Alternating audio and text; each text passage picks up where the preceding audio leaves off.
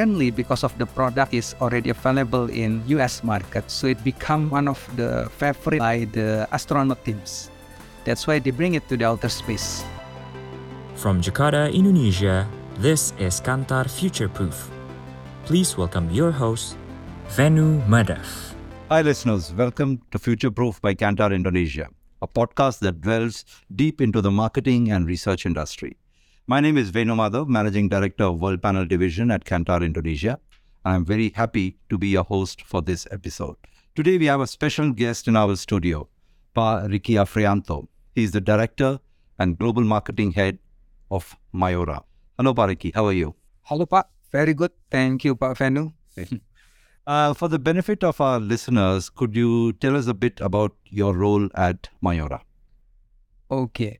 To put it simple, basically, we try to make a smile in the consumer face. so, but what we means basically is how to deliver a good product, a value product for our consumer. But not only that, at the same time, how to build a love mark brands. So then people uh, really love our brands, so they can be smile, happy, so enjoy the experience about our product. And as director and global marketing head, uh, what is your typical day look like? Okay, very exciting, I guess, like the others, uh, marketing or uh, people that really work a lot with the consumers. So typically, we always, you know, bounce the ideas on how to come up with the great ideas. That I think that's the biggest challenge, as I think in many companies, not only FMCG, I guess. So find a good ideas, be it a product or the communication that is insightful, so they can you can delight the consumers. That's I think that's very exciting. So every day is about finding new insights that you can then excite the consumer. Thank you.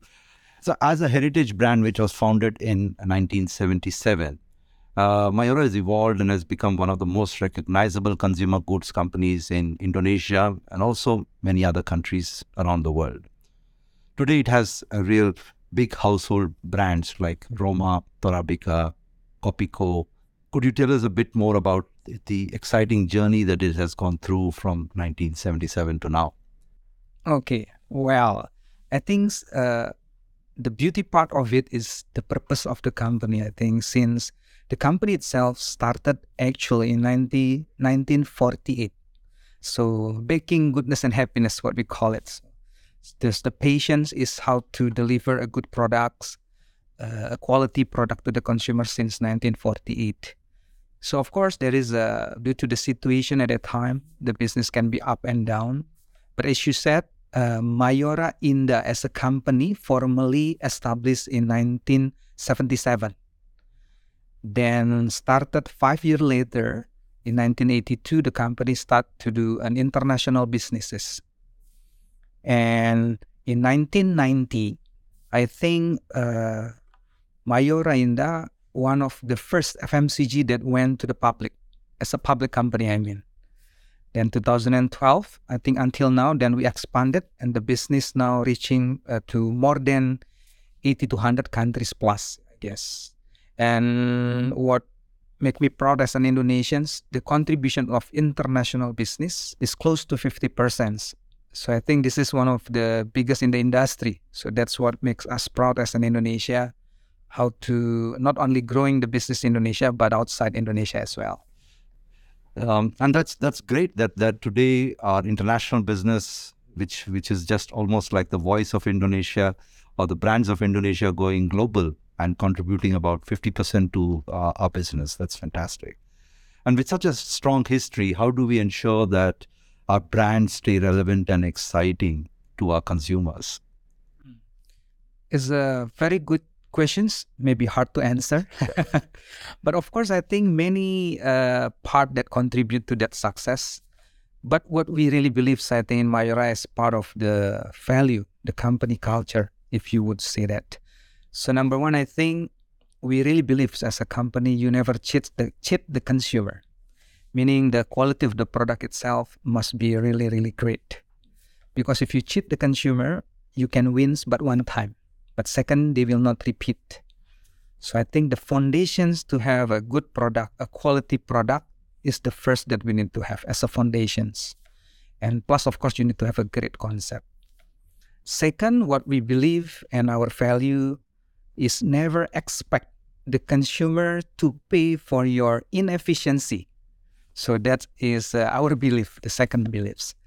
So I think uh, whenever or whatever we do is how the mindset is to give the value to the consumer. And the third one, which is uh, equally important, is how you need to be innovative. So when I when we see innovative, it's not just from the product standpoint, it's also from the communication standpoint, so that it can excite the consumer all the time. So I think these three key pillars, I think, very crucial that we believe so far. And and which brings me very well to the next question, which is that these three pillars have we see that manifested in the Kantar brand footprint report that we bring out every year. And one of your key brands there, Roma, always continues to win awards as one of the most chosen brands, built on trust and value and being innovative at the same time. So, so how do how do you how does uh, Roma manage to do this uh, to sustain this uh, growth? And now with with due to COVID in last two years have been kind of up and down, but the recovery has started. So how does how does Roma try to stay relevant? Okay. Uh, another good uh, questions, I guess. So that's why I think we also need the Kantar data to help us. Just uh, actually, what we believe also, the brand will die or will be dying. Example because of these two reasons. Number one, they cannot keep up with the time or the trend. That number one. It also can kill the brand sometimes. The other one is actually the brand fail to recruit the new users. So I think for us, these two formula is always work for a long term and sustain the growth of the brands. So how you number one be uh, keep up with the time so that the consumer will think that you are still relevant to them. On the other side, I think we need to ensure because the people as a human can die, but not for the brands. So having said that, so how you really sustain to ensure that the brand keep recruiting the new users. So that's this, those two key strategies that we think is very important, and that's what we are trying to do so far. And it has been our endeavor at, at Kantar also to keep reminding our clients that penetration is always the key measure to look at, and penetration is king, is what, what we call it, in fact. Mm-hmm. And since you mentioned earlier, Pak Ricky, that um, you know your international business is almost like fifty percent, so I would now like to turn your attention to another brand of yours, which is also not just popular in Indonesia, but has also reached uh, other parts of the world. So let's talk about Kopiko. What's the background behind Kopiko and the K drama, and also Kopiko and the International Space Station? So tell us a bit more story for our listeners. Okay, a good one. Okay, Kopiko first. I think I would uh, answer the second question first. It was in outer space, actually, back in 2017. At that time, I think uh, NASA want to celebrate the Thanksgiving. So when basically the astronaut can bring their favorite product to the outer space. Apparently, because of the product is already available in U.S. market, so it become uh, one of the favorite uh, by the astronaut teams. That's why they, they they bring it to the outer space. So in fact, it is not managed by. It wasn't. I mean, managed by us. Uh, we did not do the product placement or whatever. So it is. So it's actually uh, naturally happens, and suddenly happen in the uh, digital world lah, basically. The second one, which is quite exciting in K drama. So certainly is an expensive things investment, but I think as we say that to build the brand, you need to keep up with the time and be relevant to the consumer. People can die, but not for the brands. So how to build an excitement to the younger users that Kopiko is still there, is still the best product, is a love mark brands. So we think that Kopiko is already available in more than 80 countries. One. Second, we noticed that the trend, the K-drama is really happening. And not only in Indonesia. Example, even in US and in India, so that we never imagined K-drama can be so popular. It happened around the world. So we see this trend and we think that, okay, why not combine it? So the Kopiko available globally and the K-drama actually watched by a million people, not only in Indonesia, but also outside. Then we think that, oh, this is a good combinations, the K-drama. Then we did that, the product placement. And the, the interesting part is another one. We appear first time in Vincenzo. So during the first episode, it was only the credit title, which is the netizens start to talk about it. Curious, is it true? Is it not true? Or whatever. They don't know yet. And they keep talking about that until certain times. Even the episode two, episode three, Kopiko wasn't there, to be honest. But in episode 14, then the Kopiko suddenly appears beautifully and that the surprise all the netizens. So the story behind it basically when we try to do the deal, it was the product, some part of the product has been done. And we think and we decided that hmm, maybe not a bad idea to do the Tai Chi. So how to turn something weakness to be a positive side. And normally the Korean drama they will have the 16 until 20 episodes. And at the time the episode that we did the product placement up to 20. And normally the peak could be from the 14 to 20, the episodes that actually bringing to the climax. So I think uh, we think that this is the best momentum, and that's why I think the next uh, product placement between 14 to 20 of the episodes. Wow. So that's the story behind it. And Thank you. Thanks for sharing this with our listeners. So Kopiko will not just be an Indonesian brand, not just an international brand, but it's now a universe brand now. yes, that's thanks to it being in the space. Correct. On top of those two, we also want uh, to build a love mark brand globally, and we think that the K drama could be one of the vehicles for us, and make Indonesian also pride that we have an Indonesian brand that actually can compete globally. Thank you, thank you, Pak Ricky, for sharing your story. How how do you ensure that Mayora as a company, you know, uh, tries to reach global consumers? So while we are popular in Indonesia, how do we ensure that we bring the same values to other markets? Okay. So again, in Mayora, our simple strategy, uh, we call it as a 3P. So winning people, winning product, and winning process. So I think it is very important to have a good talent, be it in Indonesia or outside Indonesia, as a winning people. Second, winning product, we really believe that you need to have a, a, a better product as much as you can compared to the others.